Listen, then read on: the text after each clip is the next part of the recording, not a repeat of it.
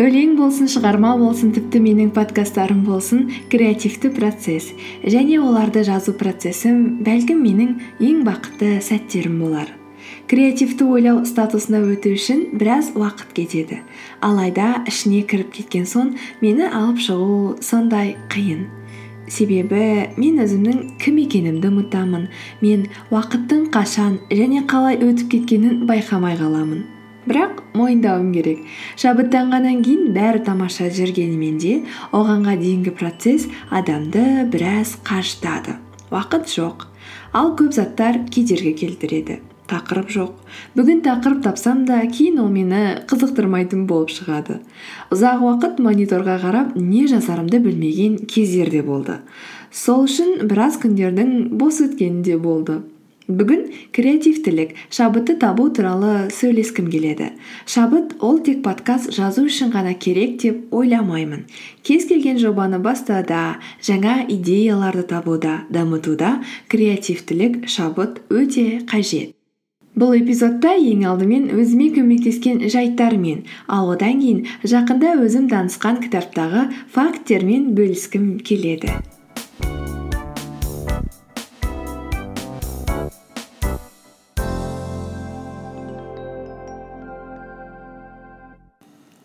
Бірінші шабыттың келуі жаңа идеялардың келуіне ең басты жауапты мүшеміз. Ол біздің миымыз. Сондықтан миымызға көбірек жаттығу жасап оны шынықтыру қажет. Миға арналған жаттығулардан бұрын ең алдымен бүкіл денемізге де әсер ететін және миымызға әсіресе көбірек әсер ететін ол әрине спорт дене жұмыстары. Мидың жұмысын жақсартады жылдамдатады. Ал мидың өзін дамыту үшін жаңа заттар көбірек оқысақ болады. Оқу арқылы жеке талшықтарымыз бір бірімен байланысады олардың икемділігі арта түседі. Сонымен қатар медитация да мидың жұмысын жақсартады. Біз үндемей ішіміздегі ойларды тыңдау арқылы депрессияны азайтамыз креативтілік артып миымыздың жұмысы жақсара түседі.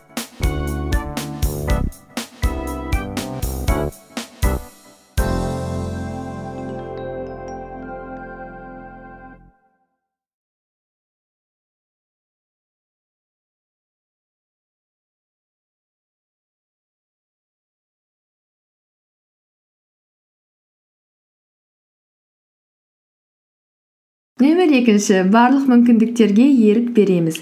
Жақсы идеяны бірден табу өте қиын.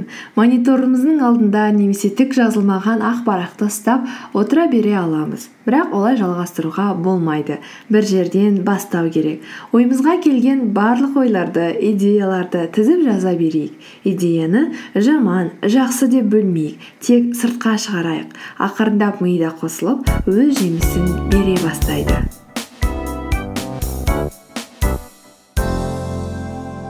Үшінші миымызға еркіндік береміз. Кейде ең тамаша идеялар біз ойламаған жерден шығады. Ми біз басқарып диктаторлық режиммен қысым көрсету арқылы ең жақсы нәтиже бере қоймайды. Кейде өзіңізге біраз уақытқа демалыс беріңіз. Арнайы тапсырма бермеңіз жалқау болыңыз. Миыңыз өзі сан саққа жүгіріп өз қалағанын істесін. Ол үшін сыртқа шығыңыз жан жағыңызға мән беріңіз паркте серуендеңіз. Мен әдетте жүгірген кезімде миыма үлкен еркіндік беремін. Барлық әлемнен мені ұстап тұрған жағдайлардан тәуелсіз боламын. Тек мен алда бір сағаттық жүгіру. Жүгіріп жүргенде мен күнделікті мен болудан қаламын. Басқа тәуелсіз кәдімгі талшыннан биігірек жоғарырақ бір тіршілік иесіне айналамын. Сөйтіп миым өзімен өзі тәуелсіздікте өмір сүреді.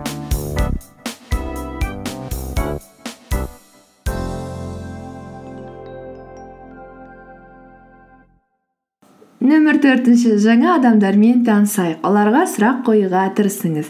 Әлемнің сіз қарастырмаған бөліктері туралы ойланыңыз. Адамдар ақпараттың идеялардың ең тамаша көзі. Жаңа орта көбінесе ыңғайсыз біртүрлі сезіледі. Алайда сол ыңғайсыздық комфорт зонамыздан тыс істер ғана бізді өсіреді.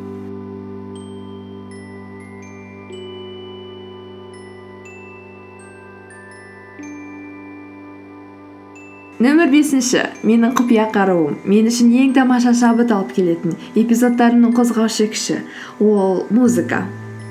Классикалық инструменталдық музыка маған ерекше шабыт береді. Миым өзі қанаттанып жаңа мүмкіндіктерді есіктерді ашады.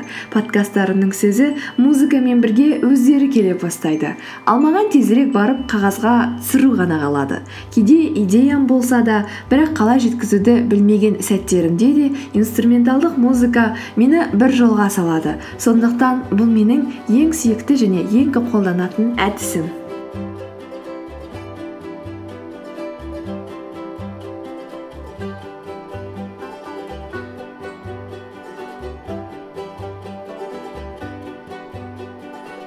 Эпизодымыздың екінші бөлігінде жақында ғана мен оқыған тим хенворд деген кісінің еңбегімен танысайық ол кісі хаос және осы әлемде қалай креативті болуға болады деген кітаптың авторы. Сосы кітапқа байланысты тедта сөйлеген сөзі де бар. Мен сіздерге оған сілтемені веб сайтта қалдырып кетемін. Тим хенворд күтпеген оқиғалар мен жағдайлардан туындайтын шабыт туралы баяндайды. Оларға мысалдар келтіреді. Өмір деген хаос одан қорқатын ештеңе жоқ дейді ол кісі. Барлық белгісіздікке ашық бол сөйле істе және ойла қазір біз сол кітаппен еңбегінде көрсетілген мысалдармен танысып өз өмірімізге креативтілікті қалай енгізуге болатыны туралы ойланып көрейік.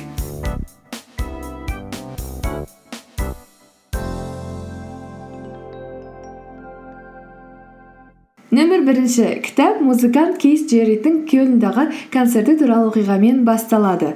Бұзылған дыбыстары қалыпқа келтірілмеген пианиноны көрген кейс джеррит басында пианиноны ауыстыруды талап етіп шығып кетеді. Кейін концертке аз уақыт қалғандықтан ұйымдастырушы қыз пианиноны ауыстыра алмайды. Әлгі қыз келіп жалынып жалбарынып артисті концертті өткізуге көндіреді. Ең соңында бұл концерт ең көп сатылған пианино альбомына айналады. Сөйтіп музыкантшы хаостың ішінде тәуекелге бел буа отырып өзі қаламаған жерден табысқа жетті.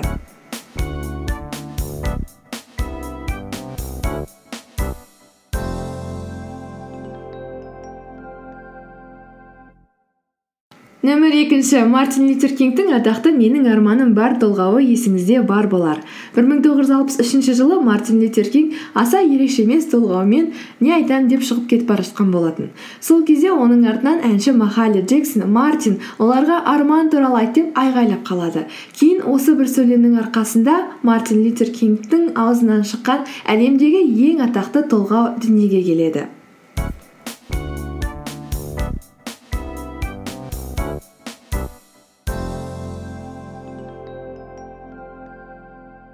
Нөмір үшінші когнитивті психология бойынша кейбір қиындықтар біздің тиімділігімізді арттырып нәтижемізді жақсартуы мүмкін. Психолог дэниел опенхеймер мектеп мұғалімдерімен бірге арнайы тәжірибе жасаған. Оқушыларға таратылатын материалдардың шрифттерін әртүрлі етіп таратқан. Бір оқушыларға әдеттегідей таймс нью романмен берсе кейбір оқушыларға курсивпен комик сияқты күнделікті өмірде жиі қолданылмайтын шрифттерді қолдана отырып материалдарды құрастырған. Жылдың соңында күрделірек жазылған материалды оқыған оқушылар көбірек табысқа жеткен.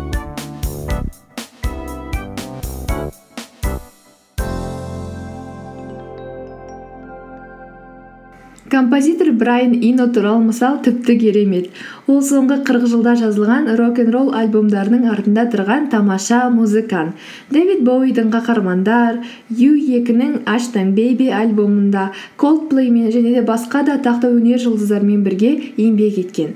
Оның альбом жазудағы басты жұмысы хаос тудыру креативті жұмыстарына адам басына келмейтін ыңғайсыз бір қалыпты емес процесстерді енгізу. Оның креативті енгізудегі басты қолданатын әдісінің бірі облик стратегиясы деп аталатын карталардың жиынтығы. Процесс барысында бір жерде тоқтап ары қарай не істеу керек екенін білмегенде брайан картаның бірін алып сол істі процесске қосады. Мысалы инструменттерді ауыстыр. Кенеттен ешкім күтпеген іс істе. Музыкаға оны қос деген сияқты жазуы бар карталарды кездейсоқ тартып қалады да міндетті түрде соны процесске қосады. Әрине бұл карталарды музыканттар ұнатпаған. Алайда біз жақсы көрмейтін істер бізге көмектеспейді деген сөз емес.